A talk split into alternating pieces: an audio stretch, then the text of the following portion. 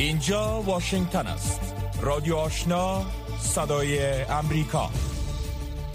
شنوندگان ارجمند سلام و شامتان بخیر. لیلا حبیب عزیمی هستم. با همکارم رویا زمانی در برنامه خبری شام یکشنبه 27 ماه آگست سال 2022 میلادی با تقدیم اخبار و گزارش های شامگاهی از امواج رادیو آشنا صدای امریکا. در آغاز توجه کنید به مشروع خبرها که همکارم رویا زمانی به توجه می رساند. با تقدیم سلام. سازمان بین المللی مهاجرت یا IOM گفته است که در اثر بارندگی ها و سرازیر شدن سیلاب ها در افغانستان در برخی مناطق فعالیت شبکه های مخابراتی قطع شده و نیز تخریب جاده ها روند کمک رسانی به سیلاب زدگان را با مشکل مواجه ساخته است. جزیات بیشتر را از لیلما حبیب عظیمی مشنوید این سازمان ناوقت روز جمعه 26 آگست در گزارش هفتوار خود گفت با وجود بارندگی های شدید و سرازیر شدن سیلاب ها گروه های امدادرسان در بسیاری از ولایات و مناطق آسیب دیده مستقر شده و به کمک های خود به نیازمندان پرداختند در گزارش آمده است که در چند روز اخیر بیشتر این سیلاب ها در ولایات شرقی جنوب شرقی و مرکزی افغانستان سرازیر شده است. سازمان بین المللی مهاجرت افزوده است که در اثر سیلاب های روزهای گذشته دست کم 60 تن جان باخته و بیش از 60 تن دیگر زخمی شده اند. بر بنیاد معلومات این سازمان در این سیلاب ها حدود 12500 خانواده متاثر شده و 4176 خانه قسما تخریب و بیش از 100 منزل مسکونی دیگر به گونه کامل ویران شده است. رینا امیری نماینده امریکا برای حقوق زنان و دختران و حقوق بشر افغانستان از کشورها و نهادهای اسلامی می خواهد که برای دفاع از حقوق زنان افغان در برابر طالبان بلندترین صدا باشند. رینا امیری فرستاده ویژه امریکا برای حقوق زنان و دختران افغان و حقوق بشری در افغانستان روز گذشته در گفتگوی با روزنامه سعودی گزت یک سال پس از حاکمیت دوباره طالبان و وضعیت حقوق بشر در افغانستان را غمانگیز خوانده و از کشور و سازمان های اسلامی خواسته است که از حقوق زنان و دختران افغان در برابر طالبان حمایت کنند و از عربستان سعودی به عنوان کشوری که نگاه همه کشورهای اسلامی با آن است خواسته که در مقابل طالبان در دفاع از حقوق زنان و دختران افغان پیش قدم گردد. رئیس جمهور ایالات متحده در اولین سالگرد حمله مرگبار 26 آگوست در نزدیک میدان هوایی کابل می‌گوید که واشنگتن بدون حضور نظامی در افغانستان فشار بر گروه های تروریستی را حفظ می کند. جو بایدن در بیانیه گفته است که یک سال پیش 13 سرباز پر افتخار و میهن پرست امریکایی و همچنان بیش از صد افغان غیر نظامی بیگناه در این رویداد در دروازه آبی بیرون میدان هوایی کابل کشته شدند. بایدن در این بیانیه که آن را قصر سفید روز جمعه نشر کرد افزوده است که واشنگتن به دنبال این حمله کمپاین جهانی علیه داعش و دیگر گروه های تروریستی را که امریکایی ها را که امریکایی ها را تهدید می کنند دو برابر کرده است. مسئولیت این حمله انتحاری را که چند روز پیش از پایان روند خروج نیروهای امریکایی از افغانستان صورت گرفت داعش پذیرفته بود. یک قاضی امریکایی روز جمعه 26 آگوست سفارش کرد که قربانیان حملات 11 سپتامبر 2001 مستحق دریافت دارایی های منجمد شده بانک مرکزی افغانستان نمی باشند پول هایی که طالبان ادعای آن را دارند و برخی از قربانیان حملات 11 سپتامبر بر امریکا در پی کسب آن است. سارا نیوتبرن یکی از قضات محکمه فدرال در ساحه منحتن نیویورک گفت که در افغانستان بانک از حیطه صلاحیت قضای محاکم امریکا بیرون است و ضبط این دارایی ها به معنای بر شناختن گروه طالبان به عنوان دولت افغانستان می باشد کاری که فقط رئیس جمهور ایالات متحده صلاحیت آن را دارد پس از خروج نیروهای خارجی و تسلط دوباره طالبان بر افغانستان به تاریخ 15 آگوست 2021 میلادی ایالات متحده و دیگر کشورهای غربی کمک هایشان را به افغانستان متوقف و بیش از 9.5 میلیارد دلار سرمایه های افغانستان را منجمد و دسترسی طالبان را به آن قطع کردند. وزارت خارجه امریکا می‌گوید که جستجو برای یافتن کسانی ادامه دارد که در ماه آگوست سال گذشته به میدان هوایی کابل حمله کردند. در بیانیه که وزارت خارجه امریکا به نقل از انتونی بلینکن وزیر امور خارجه این کشور منتشر کرده آمده است که آنان به دنبال به عدالت کشانیدن کسانی هستند که در 26 آگوست سال گذشته 13 امریکایی و 170 افغان را کشتند. و این خبر را به مناسبت نخستین سال کشته شدن 13 نظامی امریکایی که در حمله در میدان هوایی کابل کشته شدند بیان کرد. برخی از افغانهایی که در این حمله زخمی شدند نیز خواستار مجازات عاملان این حمله هستند. خبرهای جهان را از رادیو آشنا و صدای امریکا میشنوید. درگیری های شدید جمعه شب 26 آگوست میان جناهای متخاصم در ترابلس پایتخت لیبیا آغاز شد و تا صبح امروز شنبه 27 آگوست ادامه داشت. جزیات بیشتر را از حفیظ آصفی میشنوید در این درگیری ها علاوه بر استعمال های خفیف و ثقیل صدای چندین انفجار قوی در اطراف ترابلس نیز شنیده شد. خبرگزاری رویترز از قول شاهدان گزارش داده است که این حمله موجب درگیری دو جناح رقیب شد که ساعتها ادامه یافته مردم منطقه را وحشت زده ساخته و نگرانی ها را در مورد گسترش این درگیری ها در سایر ساحات به وجود آورده است. شب نظامیان وابسته و قماندان حیثم التجوری با گروه های مسلح وابسته به عبدالغنی الکیکلی که آغازگر حمله بود جنگیدند به گفته شاهدان گروه انقلابیون ترابلس بر رهبری التجوری موفق شد شب نظامیان الکیکلی را شکست داده و مقر امنیت داخلی را در جاده الجماهیریه تحت کنترل خود درآورد. کشور نفتخیز لیبیا از زمان سرنگونی و کشته شدن معمر القذافی دیکتاتور دیرینه آن کشور در سال 2011 درگیر جنگ ها بوده است. تا حال مشخص نشده که آیا این درگیری به دلیل بنبست گسترده سیاسی سیاسی حکومت لیبیا به وقوع پیوسته است یا خیر؟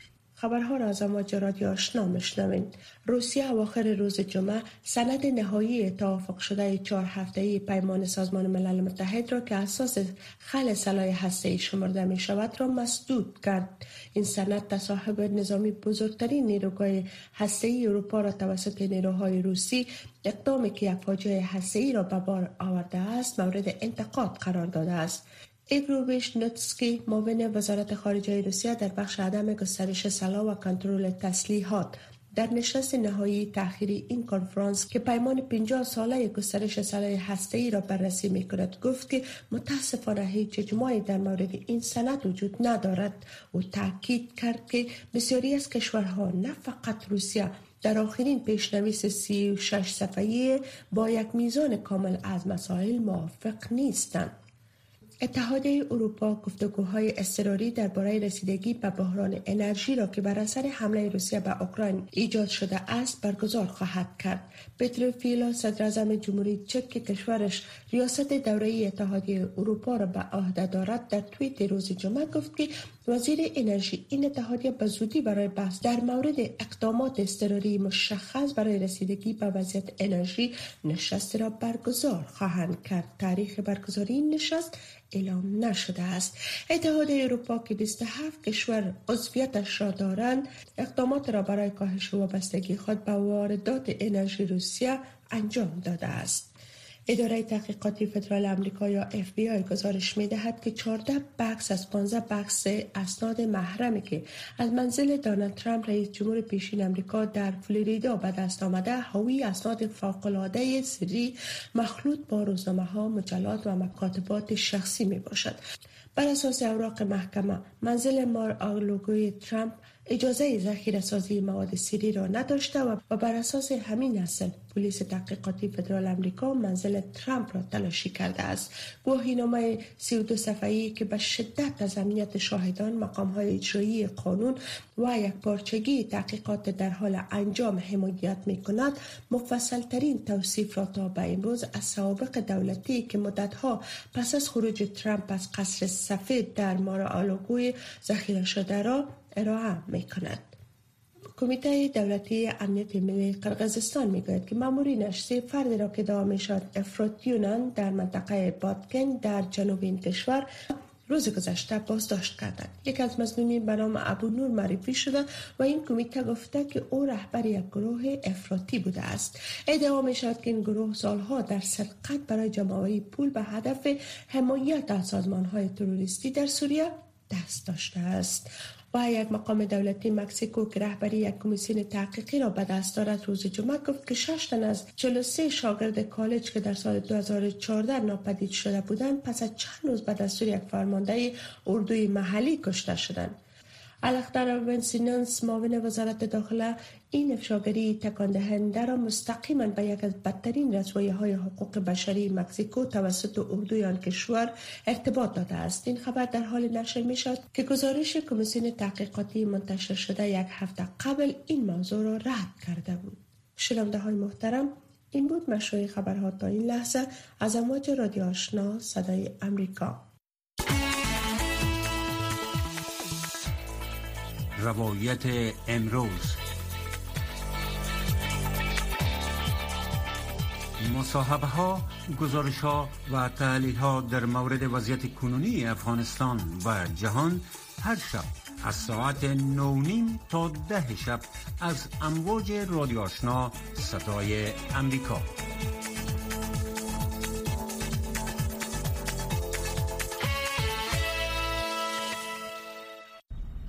شنونده های ارجمند اخبار این ساعت را شنیدید. اکنون توجه فرمایید به گزارش های این ساعت از رادیو آشنا صدای امریکا. شماره از وزرای سرپرست حکومت طالبان امروز در نشست خبری در رابطه با حوادث طبیعی و سرازیر شدن سیلاب ها در افغانستان صحبت کرده گفتند طی یک ماه گذشته حوادث طبیعی به ویژه سرازیر شدن سیلاب ها تلفات و خسارات هنگفت مالی بر جا گذاشته است. سازمان ملل متحد گفته است که دسترسی به برخی از نقاط با آزمون های روبرو است جزیات بیشتر در این گزارش در کنار بحران اقتصادی، سیاسی و اجتماعی این بار خشم طبیعت از مردم افغانستان قربانی می گیرد و بحران بشری را در این کشور بحرانی تر کرده است. شرف الدین مسلم معین وزارت دولت در امور رسیدگی به حوادث حکومت طالبان روز شنبه به خبرنگاران گفت که از اول ماه سرطان تا پنجم ماه سنبله در نتیجه سیلاب های مدهش 194 تن جان باخته و 265 تن دیگر زخم برداشتند. به گفته آقای مسلم در این مدت بیش از 12 هزار منزل مسکونی مردم به کلی ویران و یا به گونه قسمی تخریب شده است. معین وزارت دولت در امور رسیدگی به حوادث طالبان در مورد کمک ها به سیلاب زدگان گفت موږ چې اوس کوم کومکونه ورسره کړي چې عاجله اولیه کومکونه چې هغه موږ ورسره کړي هغه که د درمل وي. کمک های اولیه را که ما کرده ایم چی در بخش صحی است اگر سرپناست و یا مواد خوراکی کافی نیست. گاهی در رسانه ها هم مردم از نرسیدن کمک ها شکایت دارند و مستحق چیز نرسیده. یگانه دلیل آن این است که پول نقد خیمه یا مواد که میرسانیم کفایت نمی کند مواد یا خیمه یا نقده پیسې چې موږ کوم رسو هغه کفایت نکوي آقای مسلم از جامعه جهانی خواست که در این برهای دشوار به مردم افغانستان به ویژه آسیب دیدگان حوادث طبیعی کمک کند. از سوی هم عطاالله عمری سرپرست وزارت زراعت حکومت طالبان گفت که بر علاوه تلفات جانی و تخریب منازل از رهگذر زراعتی نیز باشندگان 21 ولایت سیلاب زده به شدت متاثر شدند. آقای عمری افزود که در این ولایات تا یک ماه گذشته بیش از 600 هزار جریب زمین زراعتی تخریب شده بیش از 1.7 میلیون درخت میوه و به همین تعداد درختهای غیر مثمر را سیلاب برده است. 29300 27 رس گوسفند و بز در امو سیلاب ها طلب شده. و 9981 یا یعنی مال کلان در امو سیلاب ها طلب شده. سرپرست وزارت زراعت حکومت طالبان گفت که توجه نهادهای حکومت این گروه بیشتر بر جان انسان ها بوده و هنوز در بخش زراعت هیچ کمک به آسیب دیدگان صورت نگرفته است. عبداللطیف منصور سرپرست وزارت انرژی و آب حکومت طالبان گفت که سیلاب ها صدها زیربنای این کشور را نیز تخریب کرده است. به گفته آقای منصور بیش از 440 کانال آبیاری 329 بند محلی زراعتی و آب آشامیدنی حدود 750 کاریز 22 بند انجینری که برای مشخص کردن میزان آب استفاده می شود از بین رفتند. همچنان او از تداوم بارندگی و سیلاب ها هشدار داد. مونسون بارشونش بارانونش ورتوایی بارانهای موسمی که می‌گویند متوقف نشده است. تا 15 سنبله امکان دارد که باران و برف ببارد و سیلابهای بیشتر جاری شود. بارانون هم وشي ورفتونه وشي او سیلابونه هم راوځي قلندر عباد سرپرست وزارت صد حکومت طالبان گفت که پس از وقوع حوادث طبیعی تیم پاسخگویی عاجل بهداشتی جهت نجات زندگی مردم به محلات آسیب دیده اعزام شده و توانستند که زخمیان را به موقع تداوی کنند و جلوه گسترش بیماری ها را بگیرند. آقای عباد تایید کرد که متضررین حوادث طبیعی به دلیل از دست دادن هست و بودشان از لحاظ روانی آسیب دیدند و کمک های صحی که تا حالا صورت گرفته برای نیازمندان کفایت نمی کند.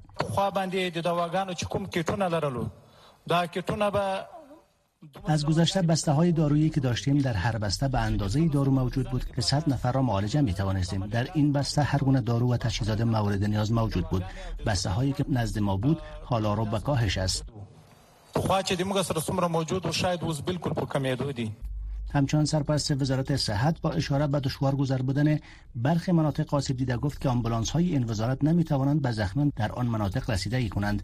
از همین رو جامعه جهانی خواست که در بخش آمبولانس های هوایی با افغانستان همکاری کند.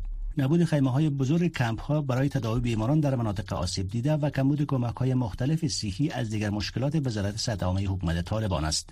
آقای عباد هشدار داد که اگر در آینده حوادث طبیعی متداوم باشد افغانستان با بحران بشری شدیدتر مواجه خواهد شد. در همین حال سازمان بین‌المللی مهاجرت گفته است که از اثر بارندگی و سرازیر شدن سیلاب‌ها در افغانستان در برخی مناطق فعالیت شبکه‌های مخابراتی قطع شده و نیز تخریب جاده‌ها روند کمک رسانی به سیلاب زدگان را با مشکل مواجه ساخته است. این سازمان گفته است که در برخی از بخش‌ها دسترسی یک چالش است. حمل و نقل ارتباطات و اسکان تیم‌های ارزیابی و واکنش به دلیل بارش شدید باران و سیل با مشکل مواجه شده است. شنوندگان گرامی رادیو آشنا صدای امریکا. نشرات رادیو آشنا را در موج متوسط 1296 موج کوتاه 11575 اشاری سفر و در موج 972 کیلوهرتز شنیده می توانید. شما شنونده رادیو آشنا صدای امریکا هستید گزارش های این ساعت را دنبال می کنیم جو بایدن رئیس جمهور ایالات متحده امریکا و وزیر امور خارجه این کشور از سال روز حمله انتحاری 26 ماه آگست سال گذشته در میدان هوایی کابل یاد بود به عمل آورد. در اثر آن حمله بیش از 170 تن افغان و 13 سرباز امریکایی کشته شد.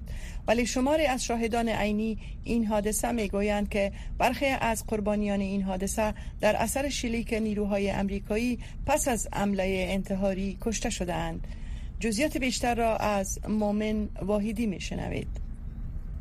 جو بایدن رئیس جمهور ایالات متحده امریکا از کشته شدن 13 سرباز امریکایی که در جریان روزهای پایانی عملیات تخلیه از کابل در یک حمله انتحاری در میدان هوایی کابل کشته شدند یاد بود کرد.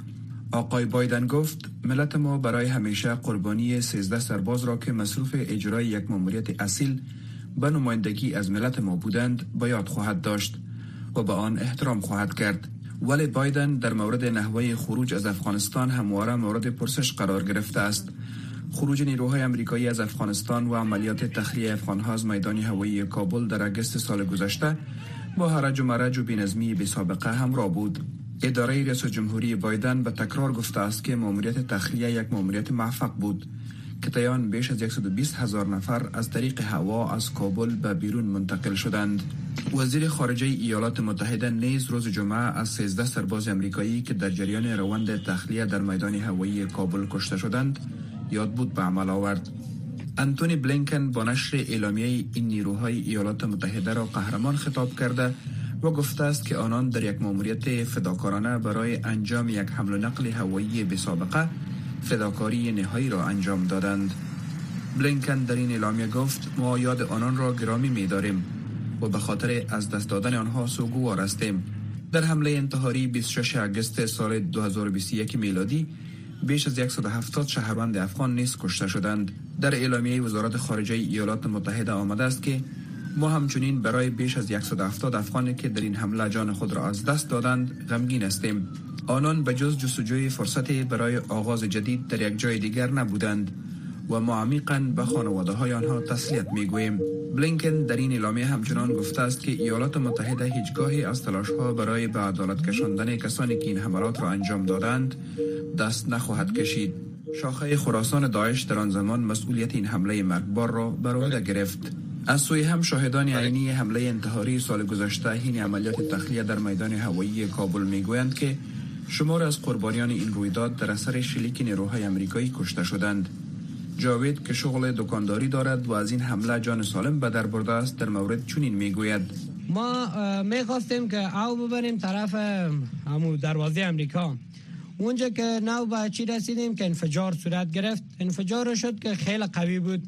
دیگه دمی دریا سیاسرا و مردا همش به گریز گریز شد. همه امریکایی ها نیروهای امریکایی فایر می‌کردن سر مردم عادی. سر مردم ملکی فایر می‌کردن. بعض هایش تا دو بجه شب ما زخمی و مرده برداشتیم. که به بسیاری از او از اثر انفجار نی بلکه از اثر مرمی های امریکایی ها مرده بودک دمو جمع عملیات تخلیه متحدین افغان نیروهای امریکایی و ناتو پس از ورود طالبان به کابل به تاریخ 15 اگست سال گذشته آغاز و با خروج کامل سربازان امریکایی به تاریخ 31 ماه اگست همان سال خاتمه یافت. رادیو آشنا صدای امریکا منبع موثق خبرها و گزارش های جهان و افغانستان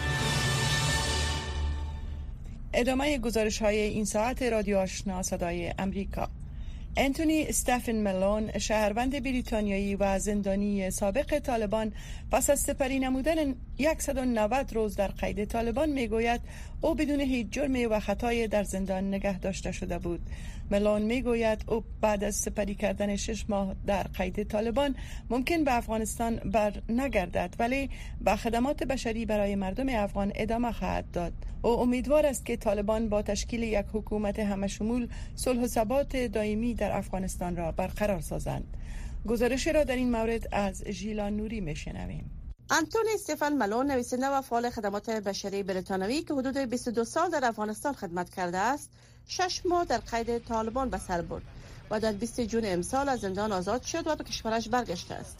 او در زمان سقوط کابل در افغانستان بود و در پروسه تخلیه برای اتباع بریتانیایی کمک می‌کرد. او می‌گوید در مورد زندانی شدن خود هنوز جزئیات کامل را نمی‌داند و اسناد با اعتبار در دست داشت.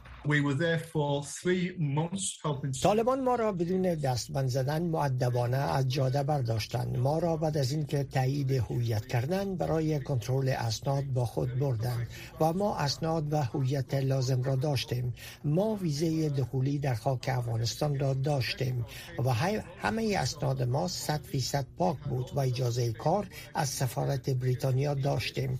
می‌خواستیم خانه کرایی بگیریم تا حضور خود را در افغانستان برای ادامه کمک های بشری افزایش دهیم مالون یکی از پنج تبع بریتانیا است که مدت 180 روز را در قید طالبان سپری نموده است و با وساطت وزارت خارجه بریتانیا در تفاهم با طالبان آزاد شد وزارت خارجه بریتانیا در 20 ماه جون پس از اعلامیه آزادی این را تایید نموده و گفته است که آنها نماینده حکومت بریتانیا نبودند و در تخلف با مشوره حکومت آنها به افغانستان سفر کردند که یک اشتباه بود. ما هرگز به خاطر کدام تخطی متهم نشدیم و هنوز به طور دقیق و کامل نمی‌دانیم که چرا ما که پاسپورت بریتانیایی داشتیم و سایر افراد به زندان افگنده شدیم و پس از مدت طولانی آزاد شدیم. واضحا که این مسئله بازداشت ها به سادگی سیاسی ساخته شده است. سخنگوی طالبان پس از آزادی اتباع بریتانوی در توییتر در 20 ماه جون نوشت که آزادی اتباع بریتانوی در تفاهم دو جانبه با مقامات بریتانیایی صورت گرفته است. ذبیح الله مجاهد به صدای آمریکا گفت مالون و همکاران او به دلیل تخطی از قوانین افغانستان بازداشت شده بودند. آنها طبعا گرفتار شدن به اساس تخلفات قانونی و همچنان اقدامات غیر نرمال در افغانستان گرفتار شده بودند.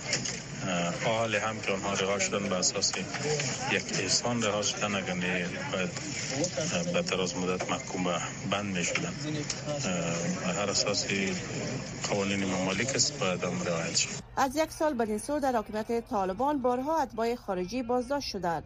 و طی ماه‌های اخیر بیشتر خبرنگاران و فعالین به دلیل نداشتن اسناد مناسب برای کار در داخل افغانستان بازداشت شدند. ملون می‌گوید پس از برگشت به بریتانیا طالبان با او تماس گرفتند و از او خواستند به افغانستان برای ادامه خدمات بشری برگردد من نمی‌خوام در مورد یک حکومت که اکثر مردم این کار را می‌کنند قضاوت کنم و موقف من به عنوان یک فعال خدمات بشری اجازه نمی‌دهد. من در افغانستان برای کمک خیریه رفته بودم و می‌خواستم در افغانستان کمک کنم. من طرفدار طالبان نیستم اما طرفدار افغانستان هستم و به نظرم در آن کشور مردم خوب هستند که نیاز به کمک دارند. من و بنیادهای خیریه برای آنها کمک می‌کنیم. به نظرم آینده کشور مربوط تشکیل حکومت همه شمول است و امیدوارم در آینده شاهد برقراری صلح در افغانستان باشد. حدود یک ماه قبل لین اودانل خبرنگار استرالیایی مجله فارن پالیسی در قید طالبان مجبور به نوشتن پیام توییتر شد و بعد آزاد شد. اودانال ادعا می‌کند که او به دلیل فشار طالبان مجبور به نوشتن پیام های در توییتر بعد نشر معلومات نادرست و وزیرخویی از طالبان گردید. طالبان بازداشت لین اودانال را به دلیل گزارشدهی نادرست تعیین نمودند. دو نفر از ادبای خارجی که در قید طالبان بودند در آغاز امسال آزاد شدند و بدون بالان یک زن کانادایی تبار در ماه مارچ آزاد شد و دو خبرنگار مربوط سازمان ملل متحد در ماه فوریه از قید طالبان آزاد شدند. ملون می‌گوید صدها ادبای خارجی بدون دسترسی به وکیل و اجرات قانونی در قید طالبان هنوز باقی ماندند. شنوندگان گرامی رادیو آشنا صدای امریکا. نشرات رادیو آشنا را در موج متوسط 1296 موج کوتاه 11575 اعشاری صفر و در موج 972 کیلوهرتز شنیده می توانید و آخرین گزارش این ساعت از رادیو آشنا صدای امریکا. روسیه اواخر روز جمعه توافق بر سر سند نهایی بازنگری چهار هفته‌ای معاهده سازمان ملل را که با عنوان سنگ تهدا به خلع سلاح هسته‌ای تلقی می شود مسدود کرد. و از تسلط نظامی این کشور بر بزرگترین نیروگاه هسته‌ای اروپا بلافاصله پس از تهاجم نیروهای روسی به اوکراین انتقاد نمود. اقدامی که نگرانی ها را از یک حادثه هسته‌ای افزایش بخشیده است. شرح بیشتر از سهر عظیمی. پس از ناکامی این کنفرانس در تصویب این سند کشورها برای بیان نظارت خود به میدان آمدند.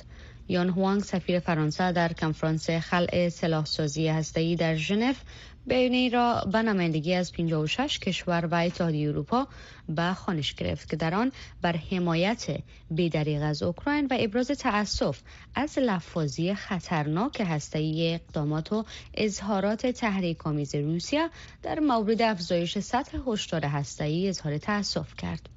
یان هوانگ سفیر فرانسه در کنفرانس خلع سلاحسازی در ژنو گفت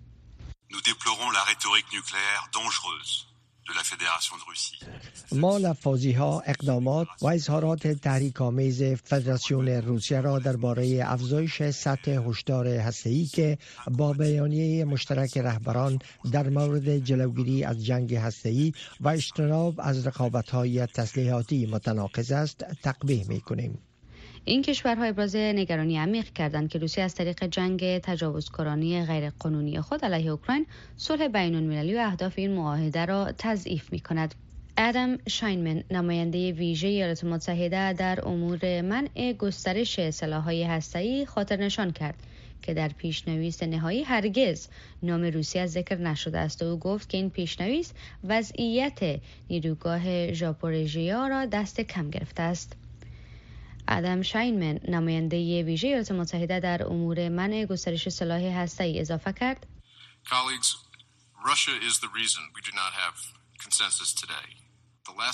همکاران روسیه دلیلی است که ما امروز اجماع نظر نداریم. تغییر لحظه آخری که روسیه به دنبال آن بود جنبه جزئی نداشت.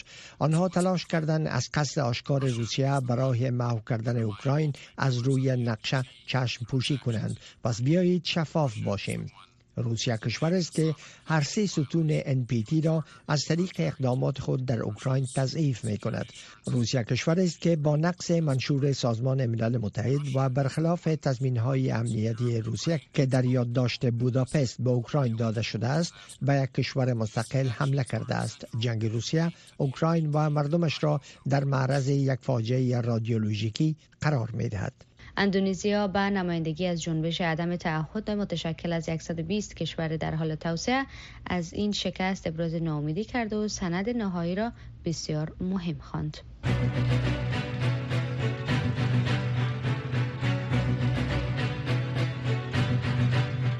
شنوندگان ارجمند برنامه خبری دری از امواج رادیو آشنا صدای امریکا در اینجا خاتمه مییابد فراموش نکنید که نشرات ما ادامه دارد